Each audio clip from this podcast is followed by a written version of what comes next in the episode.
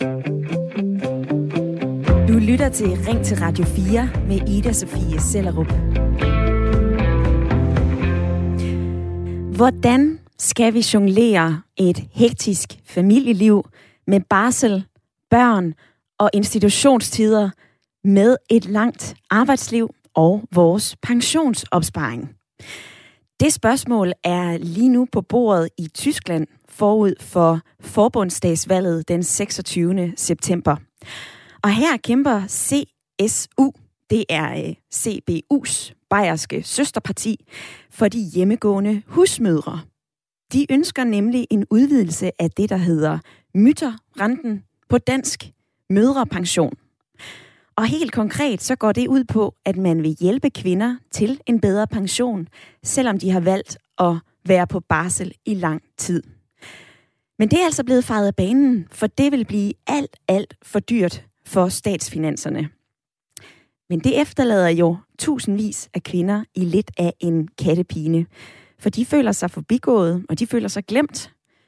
Og ikke til gode set, bare fordi at de har valgt at gå hjemme og passe deres børn. Og hvis vi springer til Danmark, ja, så siger Småbørns Familieforeningen Samfo, at det er et problem, at familier ikke har en fleksibilitet til selv at vælge, hvad der fungerer for dem. Det lyder sådan her fra formand Line Sofie Andersen. Folk har nogle blødere og mindre materialistiske værdier, end de havde tidligere. Man vil gerne have tid til familie og samvær frem for mere i løn og flere ting. Vi mener derfor, at, det bør, at der bør være flere muligheder for forældre at vælge imellem, mens børnene er små. Det sagde hun tilbage i 2018. Og nu springer vi til 2021, faktisk den 30. juni lige nu. For jeg spørger dig, synes du, at vi som samfund skal gøre det nemmere at være hjemmegående forældre, eller er det noget, familierne selv må finde ud af? Du kan ringe ind, det må du meget gerne. Telefonen er åben, skulle jeg til at sige, 72 30 44 44. Du må også gerne sende en sms til 1424, skriv R4, lav et mellemrum, og så sender du din besked. Og til at tale med om det her i dag, der kan jeg sige velkommen til dig, Martin Jul Petersen. Goddag. Goddag. Du er 27, du bor i Aarhus, og så læser du journalistik.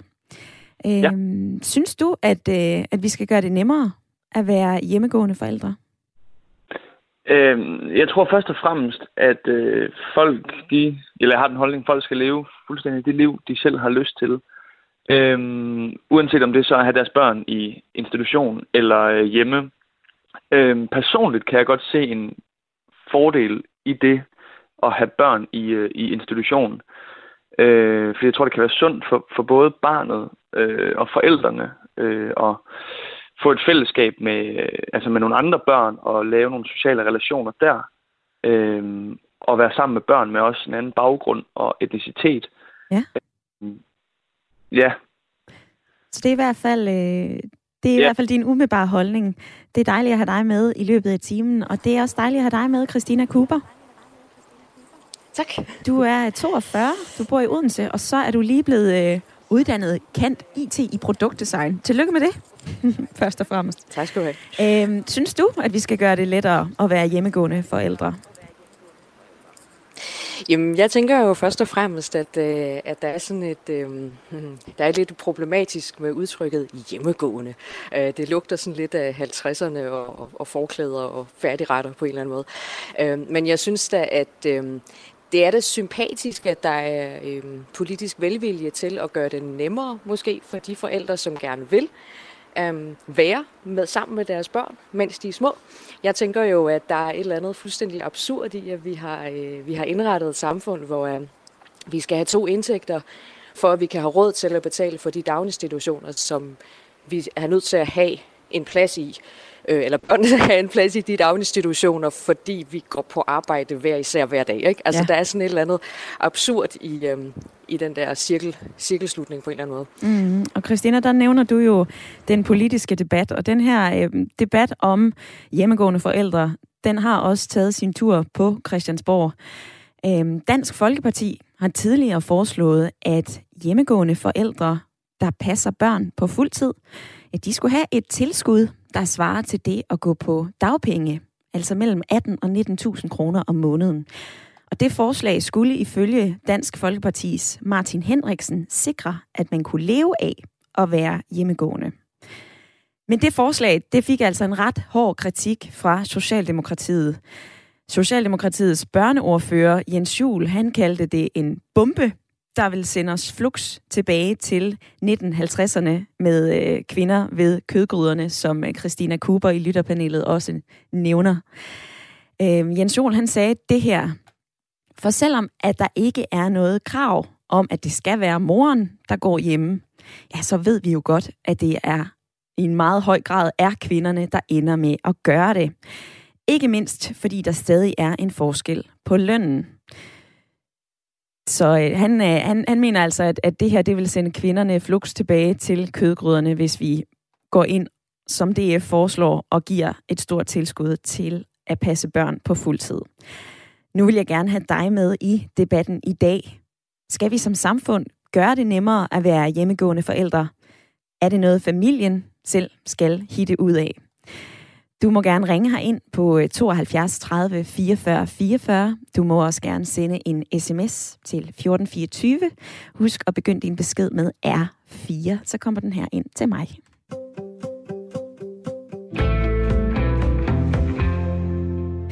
Og jeg dykkede ned i tallene i forbindelse med dagens debat, og der kunne jeg se, at øh, ifølge Dansk Statistik, så er der faktisk flere kvinder i alderen fra 15 til 64, der ikke har søgt arbejde, fordi at de gerne vil passe børn eller familiemedlemmer.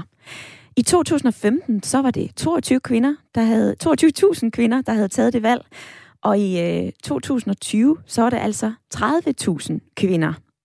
Christina i mit lytterpanel, øh, hvad tænker du om, om den her udvikling? Der er flere kvinder, der ønsker at, øh, at passe børn derhjemme. Åh oh, ja, jamen altså, jeg, jeg tænker jo, at øh, det ville jo være øh, positivt, hvis der var flere mennesker, øh, mænd inklusiv, som ønskede at, at passe børn. Fordi det kunne jo være udtryk for, at vi var på vej mod øh, et eller andet, der sådan perifært mindede om ligestilling. Øhm, jeg tænker, at det er en interessant udvikling, og, og, og det har måske også noget at gøre med, eller jeg ved du så ikke, øhm, hvad det så er, for nogle uddannelsesgrupper, som primært vælger at gå hjemme. Men det kunne være meget interessant at vide, om det primært er højt uddannet, eller om det er lavt uddannet, eller om det er midt imellem, eller hvad er det så for nogle samfundsgrupper, som vælger at gå hjemme med børnene. Fordi man kunne jo godt forestille sig, at der var nogen, som øh, havde taget det valg, at øh, de måske øh, mente, at de selv kunne passe deres børn bedre end, øh, end en vuggestue eller øh, børnehave øh, måske kunne gøre det. Øh, det kunne også godt være, at der var nogen, der tænkte, at jamen, øh, jeg kunne egentlig godt tænke mig, at mine børn de, øh, ikke brugte blæ til de var syv, og de måske kunne læse, og de ikke var så gode til at spise jord. Øh, mm. Øh, nu er jeg meget fordomsfuld over for vuggestuer. men, øh, men det kunne jo godt være, at der var nogen, der havde taget det valg, og det var derfor. Øh, så, så uden sådan at vide, øh, hvad der ligger bag de tal, der, der øh, er det sådan lidt svært at, at sådan egentlig forholde sig til, hvad det, hvad det så betyder. Men mit umiddelbare gæt, det er måske, at, at, det, er, øh, at det er udtryk for, øh, for en form for ansvarlighed, måske. Ja. Du fortalte mig i går, da vi talte sammen, at øh, altså, du, er jo, du har været selvstændig. Man kan godt kalde dig lidt af en karrierekvinde. Øh, du fortalte mig, at du indtil nu har fravalgt børn. Hvordan har balancen mellem arbejdsliv og forventninger til det her familieliv spillet ind i, øh, i den forløbige beslutning? Altså, jeg tænker, at øh, ja, fravalg, det lyder, det lyder så hårdt, ikke? Altså, jeg tænker jo mere, at det har været tilvalg af noget andet. Mm. Og så, øh, og så er, giver valget på en eller anden måde sig selv. Eller, øh, det har det i hvert fald gjort for mig, fordi at, øh, jeg tænker, at, at man kan altså ikke øh, være nu tillader jeg mig bare at sige egoist, fordi det synes jeg jo, at, at man, er jo, man er jo nødt til i et eller andet omfang at være egoist, hvis man skal være selvstændig. Øhm, og øh, så ja, hele det der med at få et familieliv til at, at passe sammen og få et, altså først få et forhold til at fungere til, i tilstrækkelig grad til, at familieforøgelse overhovedet kommer på tale. Ja. øhm, altså, øh, jeg har aldrig øh, tænkt, at børn, det er sådan ligesom var det endegyldige. Øh, her i livet. Øh, jeg har altid tænkt, at jamen, altså, hvis at der kommer en familie, så kommer der en familie, og jeg skal ikke gå benhårdt efter at være mor for enhver pris. Altså, øh, det synes jeg er og Ja, det er jo i virkeligheden at sætte sig selv før børnene. Ikke? Mm-hmm. Så, så jeg har jo meget tænkt i forhold til, at jamen, ville jeg kunne have den, den økonomiske formåen og tid og plads og alle de her ting, ja. til at, øh, at børn kunne vokse op trygt og godt. Det er jo, øhm, øhm... Eller vil jeg ende med at skulle sende dem i daginstitution? Fordi det er nok i virkeligheden, det korte svar på de spørgsmål, det er, at jamen, hvis valget det var øhm, altså, at skulle sende dem i daginstitution for ligesom at få det til at hænge sammen, så vil jeg hellere lade være. Sådan siger øh, Christina i, øh, i lytterpanelet. Og for lige at kaste nogle tal på bordet, så øh, er der altså en undersøgelse fra øh, BUBL, BUPL, øhm, og der, øh, der viser det sig, at 82 procent af ledere og pædagoger, de siger, at vi typisk sender vores børn i vuggestue, når de er mellem 10 og, øh, og 12 måneder. Og samtidig så er Danmark faktisk det land i Europa, hvor børn bruger absolut flest timer i vuggestue. Øhm, og vi er også det land, hvor at vi har den højeste andel af børn under tre år, der går i, øh, i daginstitution. Og det vil jeg lige vende med dig, Martin, fordi du kom ind på her i introen, at det er jo egentlig, det, der er jo nogle sociale fordele ved at, øh, at komme i daginstitution. Ja. Ja. Nu, øh, nu, hører de, nu hører du de her forskellige tal. Altså, vi har en, øh, en Europa, et europamesterskabs pokal, skulle jeg lige til at sige, men at vi er det land i Europa, der sender vores unger tidligst i daginstitution, og vi bruger flest timer, øh, altså at børnene bruger flest timer i daginstitutioner i Danmark. Hvad, hvad er din umiddelbare holdning til det så?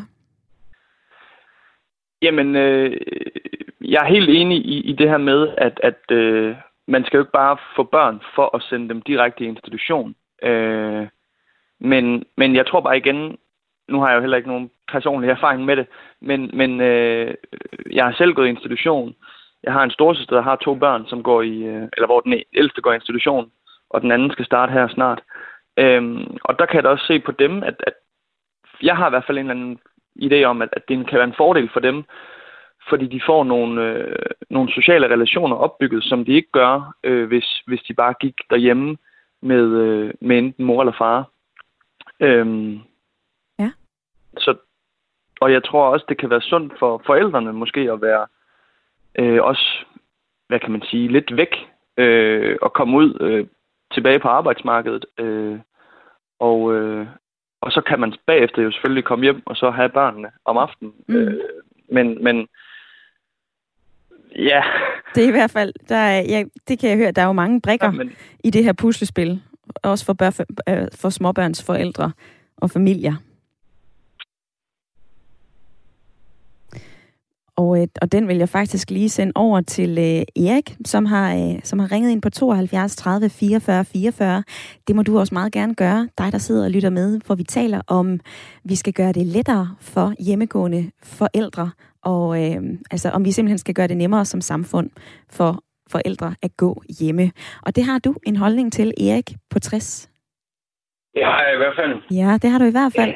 Ja. Øhm, hvad jeg kan se her, så øh, har du selv fem børn. Og du har været på deltid ja, ja. af flere omgange.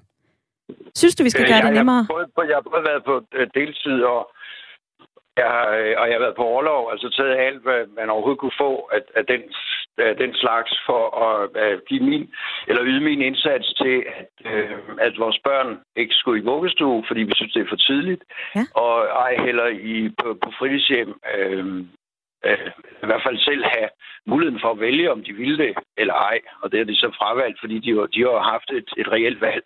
Altså, øh, det er jo det, der problem, at, at, øh, at børns opvækst i Danmark er så fokuseret på øh, institutioner, så, så, så børn får ikke muligheden for selv at vælge øh, overhovedet, om, om de øh, ved det ene eller det andet, fordi øh, forældrene er, er tvunget til, eller føler sig tvunget til at, at vælge for dem institutioner. Og der vil jeg sige, at en ting, der undrer mig helt vildt, og det er, at det lykkedes at øh, bilde voksne mennesker ind, at en familie og jo et ægteskab eller et parforhold kunne fungere med to fuldtidsarbejdende forældre. Altså det er ligesom om, at det, det er normen, det er det, man skal kunne klare, og det er det, en familie og et ægteskab skal kunne klare. Mm. Hvem i alverden siger det?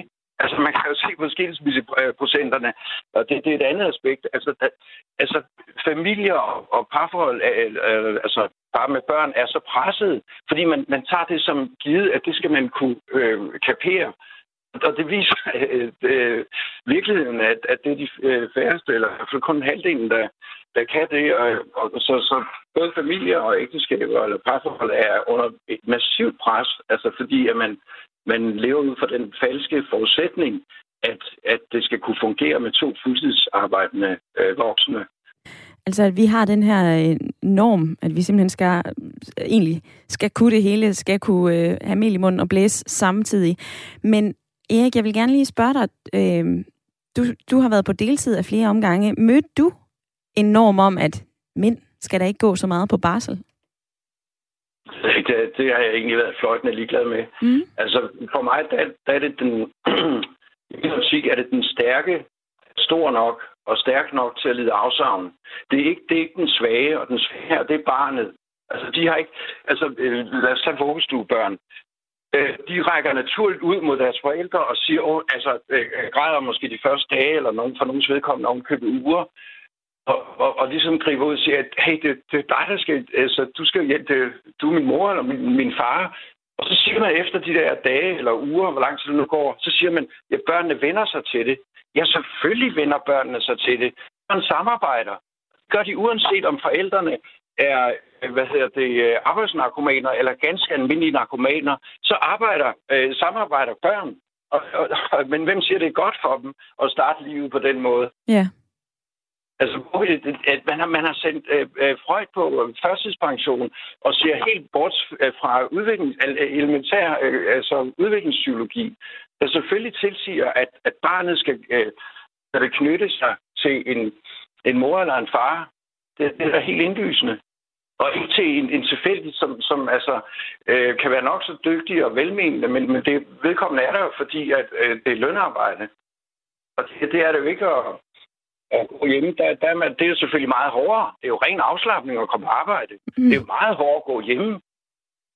Altså, det, der, der, er, der er kontant afhængig ved kasse 1 hele tiden, og der lærer børn jo så at forholde sig til, at der også øh, skal, er nogle naturlige grænser for, hvad, hvad man som øh, forældre kan, kan klare og kapere. Og, og det er jo også en god ting at, at, at, at få med, ikke? i stedet for, at det så, man kommer hjem og, og alle er tæsketrætte og mere eller mindre udskidt æblegrød, og, og så skal man så diske op med noget, nu, nu det idylliske familieliv og sådan noget. Det er der ingen, der kan. Det siger sig selv øh, når både børnene er trætte efter at have været en hel dag i institution, og forældrene også har, har givet deres bedste øh, dagtimer mm. øh, til, til, arbejds, øh, til arbejde. Ikke? Ja. Erik, tak fordi at du havde lyst til at give dit besøg med i debatten i dag. Jamen, velkommen. Jeg vil også lige nå at læse et par sms'er op for dig.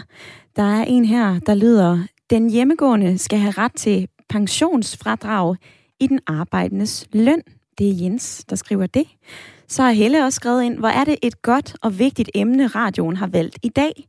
Det er afgørende vigtigt for forældre og børns tviv, øh, trivsel, øh, at vi skaber en større mulighed for at gå hjemme og passe sine børn.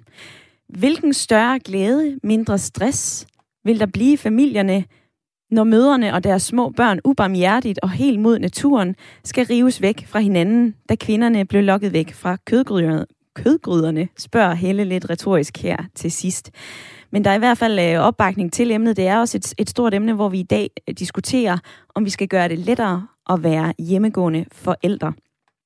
Og det er også et spørgsmål, som har optaget familiepolitisk netværk i flere år. Det er et netværk, der samler omkring 11.000 forældre, pædagoger, lærere og andre fagpersoner. Og øh, organisationen her har udgivet 16 anbefalinger til, hvordan vi kan skabe bedre muligheder for at være hjemmegående forældre. Og det er blandt andet øh, fleksibel barsel og lovsikret ret til op til 20 sygedage per barn om året. Så kan jeg sige velkommen til dig, Karen Lumholdt. Ja, hej. Hej, du er talsperson for Familiepolitisk Netværk. Hvorfor, øh, hvorfor er det, at I fortsat kæmper for det her? Altså, hvorfor er det, at I ser, at det er et problem, at der ikke er så mange hjemmegående forældre? Altså for det første, så er der mange, der rent, rent faktisk gerne vil være det. Men, øh, men øh, jeg er faktisk utrolig glad for den lytter, der var igennem lige før. Fordi også for os i familiepolitisk netværk, der handler det først og fremmest om barnet. Om barnets behov, barnets perspektiv. Og der er en tendens, som vi også hørte på Jens Jol fra Socialdemokratiet og hans kommentar, som I læste op. Der er en tendens til at se det meget fra forældrenes perspektiv. Og vi siger, jamen, vi er, der er altså nogen, der er nødt til at se det fra barnets perspektiv, for barnet har ikke sine egne talspersoner. Så nogen, jo, bortset fra selvfølgelig børns vilkår, øh, og Rasmus Kjeldahl, der også var, var, var igennem her tidligere i, i nyhederne. Men altså, vi er nødt til at se det fra barnets perspektiv. Og som den lytter, der var igennem lige før, øh, dejligt at, at få mændene på banen, mm. sagde, så handler det her om, at børn er fra naturens hånd ikke egnet til at blive adskilt fra forældrene så tidligt. Det er rigtig fint med børnehaver. Vi har nogle af de bedste børnehaver i verden i Danmark, og vi har nogle af de dygtigste pædagoger i hele verden, har vi i Danmark. Eller det har vi i hvert fald øh, historisk tradition for at have. Så ikke et ondt ord om vores daginstitutionskultur. Den er helt fantastisk. Men det er bare ikke i barnets interesse at komme i vuggestue som 10 måneder gammel eller 12 måneder gammel. Det er der intet i barnets naturlige øh, øh, udviklingspsykologiske eller psykologiske udvikling, der tilsiger, at barnet skal være sammen med, med 20 andre småbørn øh, i den alder. De har slet ikke det følelsesmæssige eller sociale system, som, øh, som egner sig til det. Og slet ikke, når vuggestuerne er så underbemandet og så overbelastet, som de rent faktisk er. Men jeg kunne forestille mig, du nævner selv, at der er flere, som, som ønsker at gå hjemme, men at vi jo også har det samfund og nogle virksomheder, der skal køre rundt, og at man muligvis også føler, at øh, ved du, jeg skal simpelthen tilbage på arbejde, for det er også dyrt for mig at, at, at sætte børn i verden. Ja, men altså rent faktisk er der jo nogle globale tendenser lige nu, der går i retning af en fire-dages arbejdsuge, og, det, og vi kan jo alle sammen selv se, se her under corona, hvor meget arbejde vi rent faktisk kan få, få udført, uden nødvendigvis at flytte os fra hjemmet. Så, så der er nogle store globale tendenser, og vi har jo også en fuldstændig historisk øh, produktivitetsstigning, som gør, at øh, hvorfor pokker skulle den produktivitetsstigning, altså vores evne til at arbejde meget mere på mindre tid, fordi vi har en teknologisk udvikling, der muliggør det. Hvorfor skal den produktivitetsstigning ikke komme vores børn til gode? Det er jo fuldstændig absurd, at vi lever i en verden, hvor vi kan faktisk skabe rigtig mange værdier på meget kort tid, fordi vi har en ekstremt højt udviklet teknologi. Hvorfor skal vores børn så øh, lide under at være væk fra os 8-10 timer dagligt, hvilket øh, helt øh, evident skader deres følelsesmæssige udvikling. Mm. Jeg har siddet med unge mennesker, voksne unge mennesker, øh, og, og snakket med dem om, hvordan deres opvækst har været. Og de græder, fordi de har følt sig ensomme. Altså, pædagogerne, som den lytter, der var igennem, jeg tror, han hed Erik, ja, Erik på øh, sagde, pæd- mm pædagogerne er jo, er jo dygtige, og de gør alt, hvad de kan, og de krænger deres hjerte ud for at give børn al den kærlighed og omsorg, de har brug for. Men de kan jo ikke erstatte den forældrerelation, som er så ekstremt afgørende for, om barnet udvikler sit sprog, sit følelsesliv, sin intelligens, det hele. Og, og når man sidder med voksne mennesker på 30 år, øh, som siger, sådan et liv vil jeg ikke leve. Jeg vil ikke leve sådan et liv, hvor, hvor mine børn er så langt væk fra mig øh, så mange timer væk fra mig hver dag, og de sidder og græder, fordi de har følt sig ensomme, selvom de har haft nogle dygtige, herlige, velmenende forældre. Men ved du hvad, Karen? Så, så, så vi har en generation nu af unge, der ikke vil være med til det der. Ja. Og det er jo også noget af det, som jeg kan læse mig til, I, I kigger på. For løsningen for jer på det her er jo todelt. Altså, at vi skal have lovgivning, der sørger for, at der er bedre mulighed for at være hjemmegående. Og så skal virksomheder også være mere fleksible over for deres medarbejdere. Og, øh, og jeg er med på det, at du, at du fortalte før. Øhm, jeg kan bare ikke lade være med at tænke på, det kan jeg også se, at der er flere, der tænker i, øh, i sms'en. Altså, hvorfor er det virksomhederne eller samfundet, der skal tage ansvar for, hvordan den enkelte kan få et godt familieliv? Men det er i høj grad også den enkelte, der skal tage ansvar. Altså, der er tre aktører i det her. Ikke? Der er den enkelte familie, som skal måske lade være med at fokusere så meget på det materielle. Så kan man flytte ud uden for byerne, hvis man vil bo billigere, det vil være en rigtig god idé. Det er der rig mulighed for i dag, hvor man ikke skal pendle så meget ind på arbejde, som man skulle tidligere på grund af teknologien. Det, det, det er sådan noget, man kan gøre, ikke? Og leve mm. lidt billigere, og lade være med at tage på rejse, og lade være med at bruge så mange penge. Så kan man sagtens leve for, for færre timer. Men det andet, man kan gøre, det var jo fra, fra det offentlige side at give mulighed for at øh, passe sine egne børn, øh, og så tildele en del af det tilskud, som man i dag giver til vuggestuer og børnehaver, altså det, som ikke er forældreegenbetaling. Og det ved kunne du man hvad, jo så give Karen, jeg bliver lige nødt til at afbryde dig. Jeg vil rigtig gerne bede dig om at hænge på, fordi vi skal have et lille nyhedsoverblik. Du lytter til Ring til Radio 4 med Ida Sofie Sellerup. Hvor vi i dag tager fat på familieliv, børnepasning, fuldtidsjob, madpakker, vuggestuer, alt sammen blandet sammen i den her skønne, hårde, fantastiske og til tider ret svære tid, som, øh, som det er at være småbørns familie. Danske forældre, de har Europa-rekorden i at få passet deres børn, så både mor og far kan komme på arbejde. Men der er altså også rigtig mange, som drømmer om at få mere tid til deres børn og passe børnene selv. Så øh, det, det taler vi om i dag. Altså skal vi som samfund gøre det nemmere for forældre at blive hjemmegående? Og hvis du hørte med før pausen, eller før nyhedsoverblikket, så kunne du høre Karen Lomholdt, som er talsperson for familiepolitisk netværk. Og Karen, du er fortsat med. Ja. Tak for det. Vi, øh, vi er nået omkring, hvorfor det er et problem, at... Øh, altså, vi er nået omkring, hvorfor at det er et problem, at, at det kan være svært at være hjemmegående forældre. Vi har også talt om, hvordan vi kan lovgive på det her. Men, men det, den tilbagevendende ting, som jeg også kan se på sms'en, det er, at vi har jo et samfund, som ligesom skal køre rundt. Altså, vi har virksomheder, som, som skal have en, øh, en, jeg vil sige, profit eller fortjeneste, men der skal jo også løn ind på kontoen. Altså, har vi så ikke også selv et ansvar for, at, at vi netop kan gå på arbejde, og vi ikke bare passer børn? Jo, sat op. Men, og der er faktisk heller ikke ret mange, der ønsker at gå 100% hjemme. Altså, det er der jo hverken kvinder eller mænd, der ikke ret mange kvinder eller mænd, der har lyst til. Og lovgivningen indeholder faktisk også nogle muligheder for, at man kan gå på det, der hedder delt og fleksibel barsel. Det vil sige, at man for eksempel arbejder 60 procent og går hjemme 40 procent, eller man arbejder 20 procent og går hjemme 80 procent. De findes faktisk, de overlovsmuligheder. Men de er ikke særlig kendt øh, af, af medarbejderne. Øhm, og jeg har for nylig faktisk været til en konference, hvor, hvor man snakkede om, hvordan får vi udbredt kendskabet til de her overlovsmuligheder. Sådan så flere arbejdsgivere, flere HR-afdelinger rent faktisk også øh, gør medarbejderne opmærksom på, at der findes de her muligheder. Så er der så, det er ekstremt indviklet, fordi der er forskellige overenskomster jo på forskellige områder. Det er også forskelligt, om du er offentlig eller privat ansat, om du er under funktionærloven eller ej.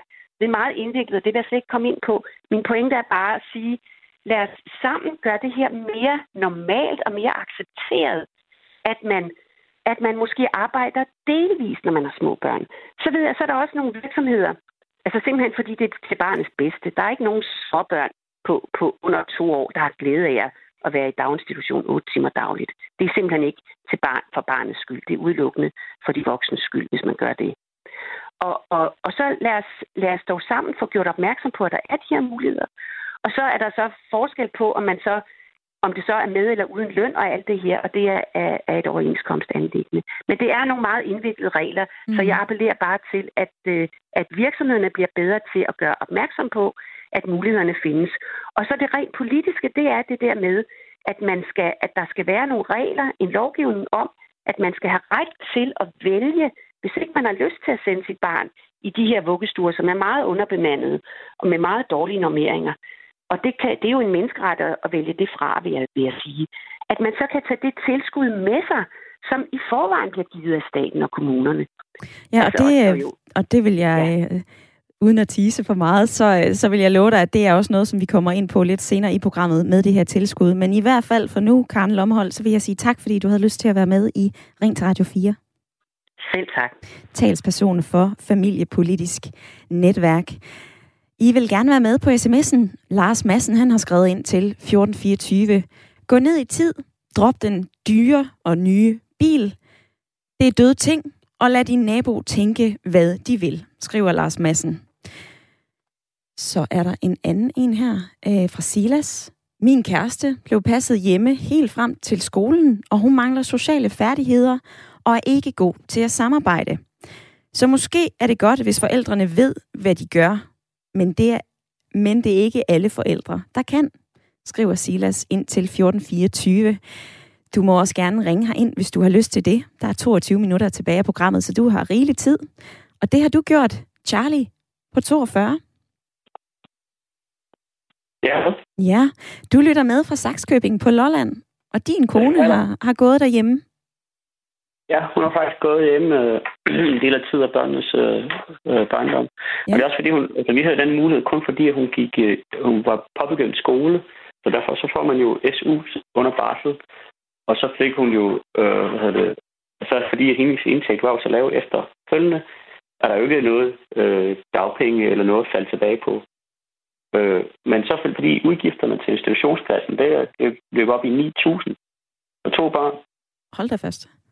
Ja, det er det jo 4500 for vuggestue, ikke? Mm. Med madordning. Så for, for at tjene de 9.000, så skal man i hvert fald have 16 øh, før skat, eller 17, ikke? Og så kunne jeg få noget, så kunne jeg få hendes fradrag, så derfor så behøver hun ikke arbejde. Øh, men den, den mulighed havde vi jo kun i kraft af, at vi boede billigt øh, i leje, altså husleje. Ja. Og det er bare ikke alle, der har den mulighed. Så, så, så som, som de andre, der har været inde på programmet, så skal man have to, to, hvad hedder det, to stykker arbejde over 35 timer for at få råd til de her institutionspladser. Det synes jeg faktisk er vanvittigt. Ja. Har det, hvis vi, hvis vi ser på, øh, på jeres børn, og det er, at, at, at din kone hun er gået hjemme, har det så været en god beslutning for jer? Øhm, ja, altså det har været, det har, der har, der har bare været fordele og ulemper. Der har selvfølgelig været den fordel, at de har fået meget mere tid for sammen med os som forældre. Øh, ulempen har været lidt, at øh, for eksempel for vores yngste, den, den ældste, han øh, startede meget sent i børnehave, og det kunne godt, kunne godt mærke på ham, at øh, det der, hvad skal vi kalde det, øh, den der overgangsfase og, og den der adskillelse, det var hårdt for ham, fordi han forstod, hvad der foregik. Ikke? Hvor den yngste, hun startede øh, faktisk i vuggestuedelen, øh, hvor, hvad hedder det, hvor de så fik kortere dage i stedet for.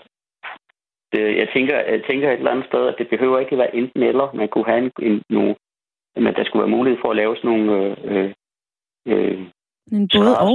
En både ja, og løsning? Altså, at, jamen, du kan komme i vuggestue eller børnehave et par timer om dagen, som så, mor eller far, der er hjemme, du også rent faktisk kan nå, og alle de ting, der rent faktisk kan nås i, i sådan et hjemme. Ikke? Ja.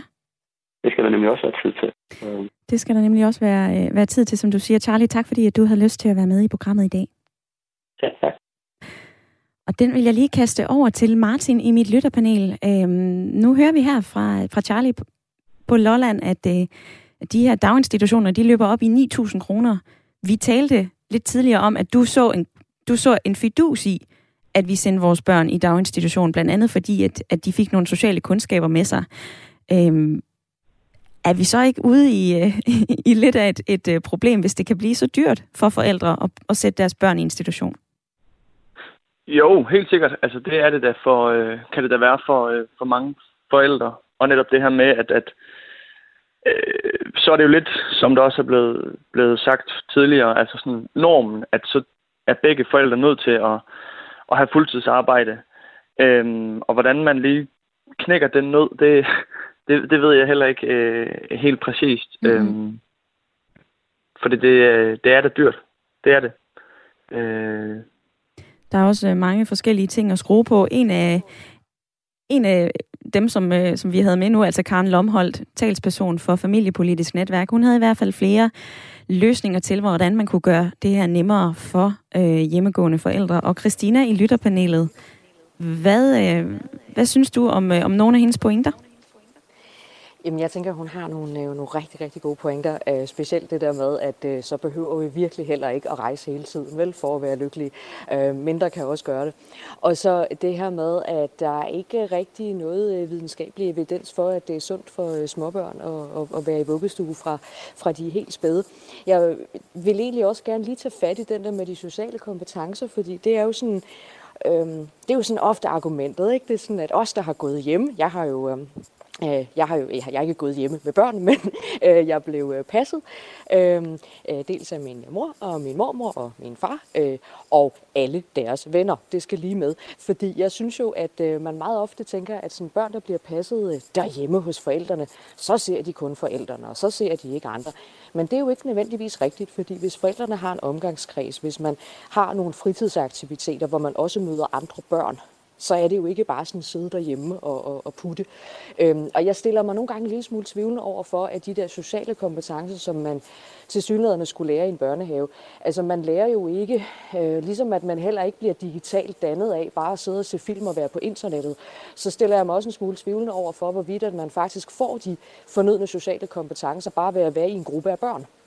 Det afhænger vel af, af den enkelte institution, og, og hvorvidt, at om der er nogle pædagoger, der ligesom evner at, at, at tøjle de der unger. Fordi, altså, som jeg ser det, så er børn jo nogle gange faktisk ret forfærdelige.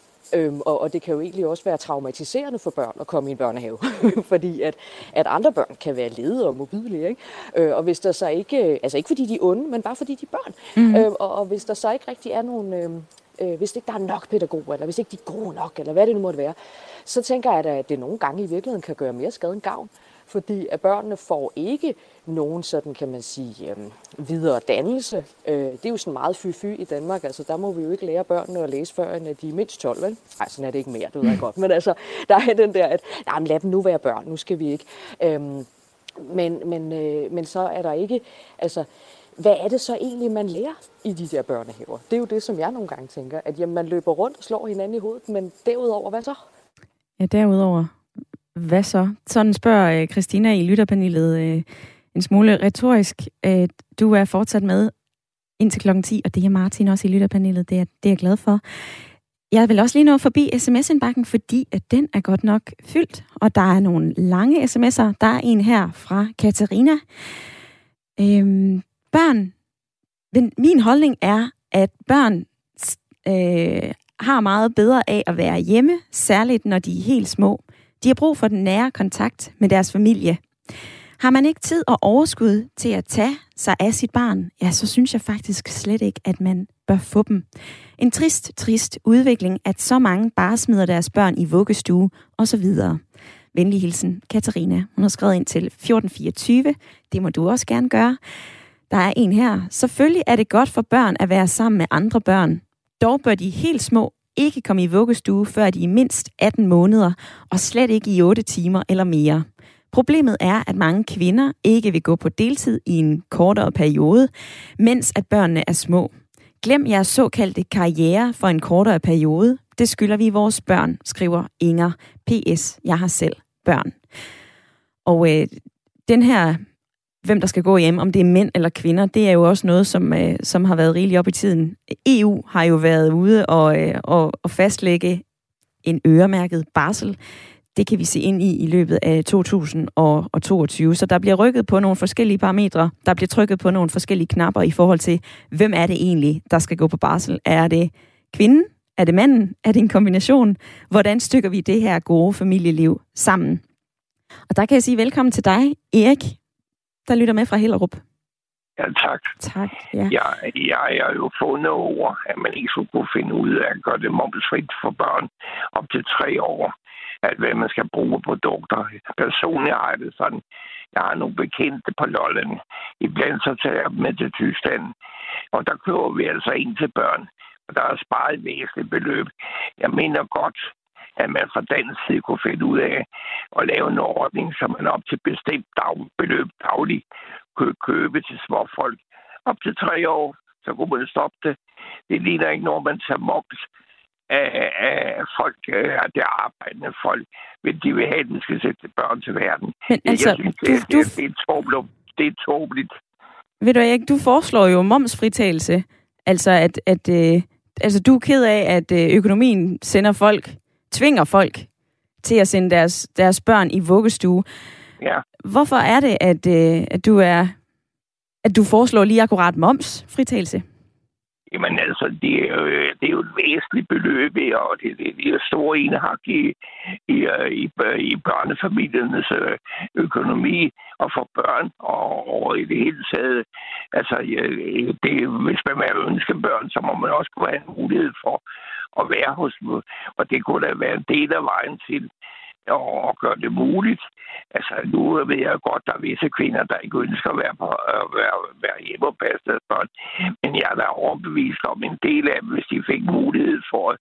Og det kunne være igennem en momsfrit øh, op til et bestemt beløb dagligt eller månedligt. Altså, øh, at vi kan klare alt muligt teknisk med, med både det ene og det andet, så kan man også klare det her med at gøre det målfrit. Så bliver og, og, og, og medvarer alt muligt til små folk, det er også dyrt. Jeg, jeg begriber ikke, at man, man ikke kan, at man ikke skulle kunne finde ud af det der. Det, øh, jeg mener det kan man gøre. Og øh, der må, der må være nogle, det er sjovt nogle venstrefløjspartierne, øh, de taler så meget om, de ikke, de, de ligesom kan sige, det, det går vi ind for det her. Men ved du hvad, Erik, der kan jeg faktisk lige sparke noget ind i, øh, i debatten her med dig, for jeg har et citat fra Venstre. Øhm, de går jo ind for, at alle kommuner skal give et tilskud til børnepasning. Der har familieordfører Marlene Ambo øh, Rasmussen sagt, jeg tror, det er vigtigt for familierne, at der bliver lavet noget mere fleksibilitet og et frit valg, så man selv har mulighed for at indrette sin hverdag. Og derfor synes jeg, at det er rigtig ærgerligt, at der ikke er den mulighed. Det siger øh, Malene Ambro Petersen, og jeg ved også, at der er i en lang række kommuner tilskud, hvis man vil passe sine børn selv. Det ligger sådan gennemsnitligt på 5.500, så der bliver jo allerede gjort lidt. Jamen, nu her, øh, vi skaber jo byråkrati nok, men nu afskaffer det Altså, de penge, de mennesker skal dele ud, de skal jo ind først. Og det gør man altså via moms. Jeg, jeg begriber ikke, at man ikke ligesom kan sige, her skærer vi hårdt og potater, siger op til bare en tredje år færdig. Der skal ikke betales moms af visse basale ting. Og så er det færdigt. Og det kan man jo simpelthen lave ved, som jeg sagde før, øhm, op til et bestemt beløb. Mm. Det, det skal ikke være en handelsvare. Det skal være en mulighed for, at manden og kvinden lige så meget en mulighed for enten at få nedsat arbejdstid og en mere tid sammen med deres børn. Altså det her, øh, det her trædemølle, det her ekseri, at børnefamilien ude, er ude i øjeblik. Det skal vi ud af. Og ved du hvad, Erik? Det, øh... Jeg er 83 år, jeg har ingen børn til, men jeg kan da se omkring, hvad det er, der sker. Og ved du hvad, Erik, tak fordi du havde lyst til at give øh, dit besøg med, din idé omkring momsfritagelse. Jeg har også øh, hørt fra øh, Stella. Hun ringer fra Nakskov, og hun, øh, hun har sagt, at det her program, det trænger altså til at høre fra en, der har prøvet det her selv. Velkommen til. Stella? Jeg mener, at man, at man ikke kan bruge sin uddannelse, når nu man har gået hjem og passet sine børn. Og øh, jeg blev selv læreruddannet. Så blev jeg gift, så fik jeg børn. Og så, da de var kommet i skole, ville jeg gerne arbejde igen. Og jeg søgte så tre jobs, og jeg fik dem alle sammen. Og så måtte jeg på en eller anden måde prøve på at klare mig igennem det ene år med tre jobs. Så der vil jeg sige, at det ene, det var jo i nattevagt. Så på den måde, når man kun har nattevagt hver anden uge som sygehjælper, ikke, så ja tog jeg mig en uddannelse som sygehjælper, og imens så læste jeg øh, på universitetet, der læste jeg øh, politik og fik øh, sat mig ind i, hvad det rent øh, øh, politisk krævede at øh, få pengene til at følge børnene, sådan som man sagde dengang. Ikke? Og, men vi havde også en, en socialminister, Åse Olsen, som sagde, at kvinderne vil ud på arbejdsmarkedet, og det synes jeg altså ikke, jeg har opdaget endnu, at det er det der, de gerne vil være. Jeg er sikker på, at de fleste gerne vil have deres børn lidt længere, sådan at de er op, altså sådan parat til at komme i børnehave. Ikke? Følte jeg har også været dagplejemor. Ja. Så ja, for, for mine egne børn, plus nogle andre, jeg fik ud fra. Og øh, det har jeg også været meget glad for, og jeg ved, at børnene har været det også.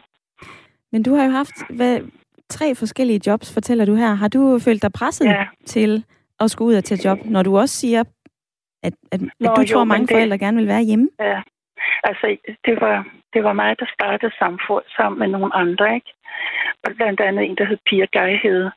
Og, øhm, og der måtte vi også sætte os grundigt ind i, hvor pengene skulle komme fra. Og, og vi regnede ud, at vi regnede, at sikkert vil, der vil sikkert være 25 procent kvinder, der gerne ville gå hjem. Dengang snakkede man ikke så meget om manden. Og så regnede vi ud, hvor meget det ville koste. Og der fik jeg hjælp af nogle politikere, som, som gerne ville støtte mig. Så, så det er ikke nemt altså at, at komme med sådan et forslag, som, hvor man også skal vise, at det holder, og at, øh, at samfundet ikke går nedenom og hjem, bare fordi øh, forældrene skal til at passe deres egne børn. Men så jeg har, jeg har været meget privilegeret, men det var altså igennem samfund, vi fik ændret tingene, og jeg er glad for at høre, at der også er andre foreninger, som arbejder for det her.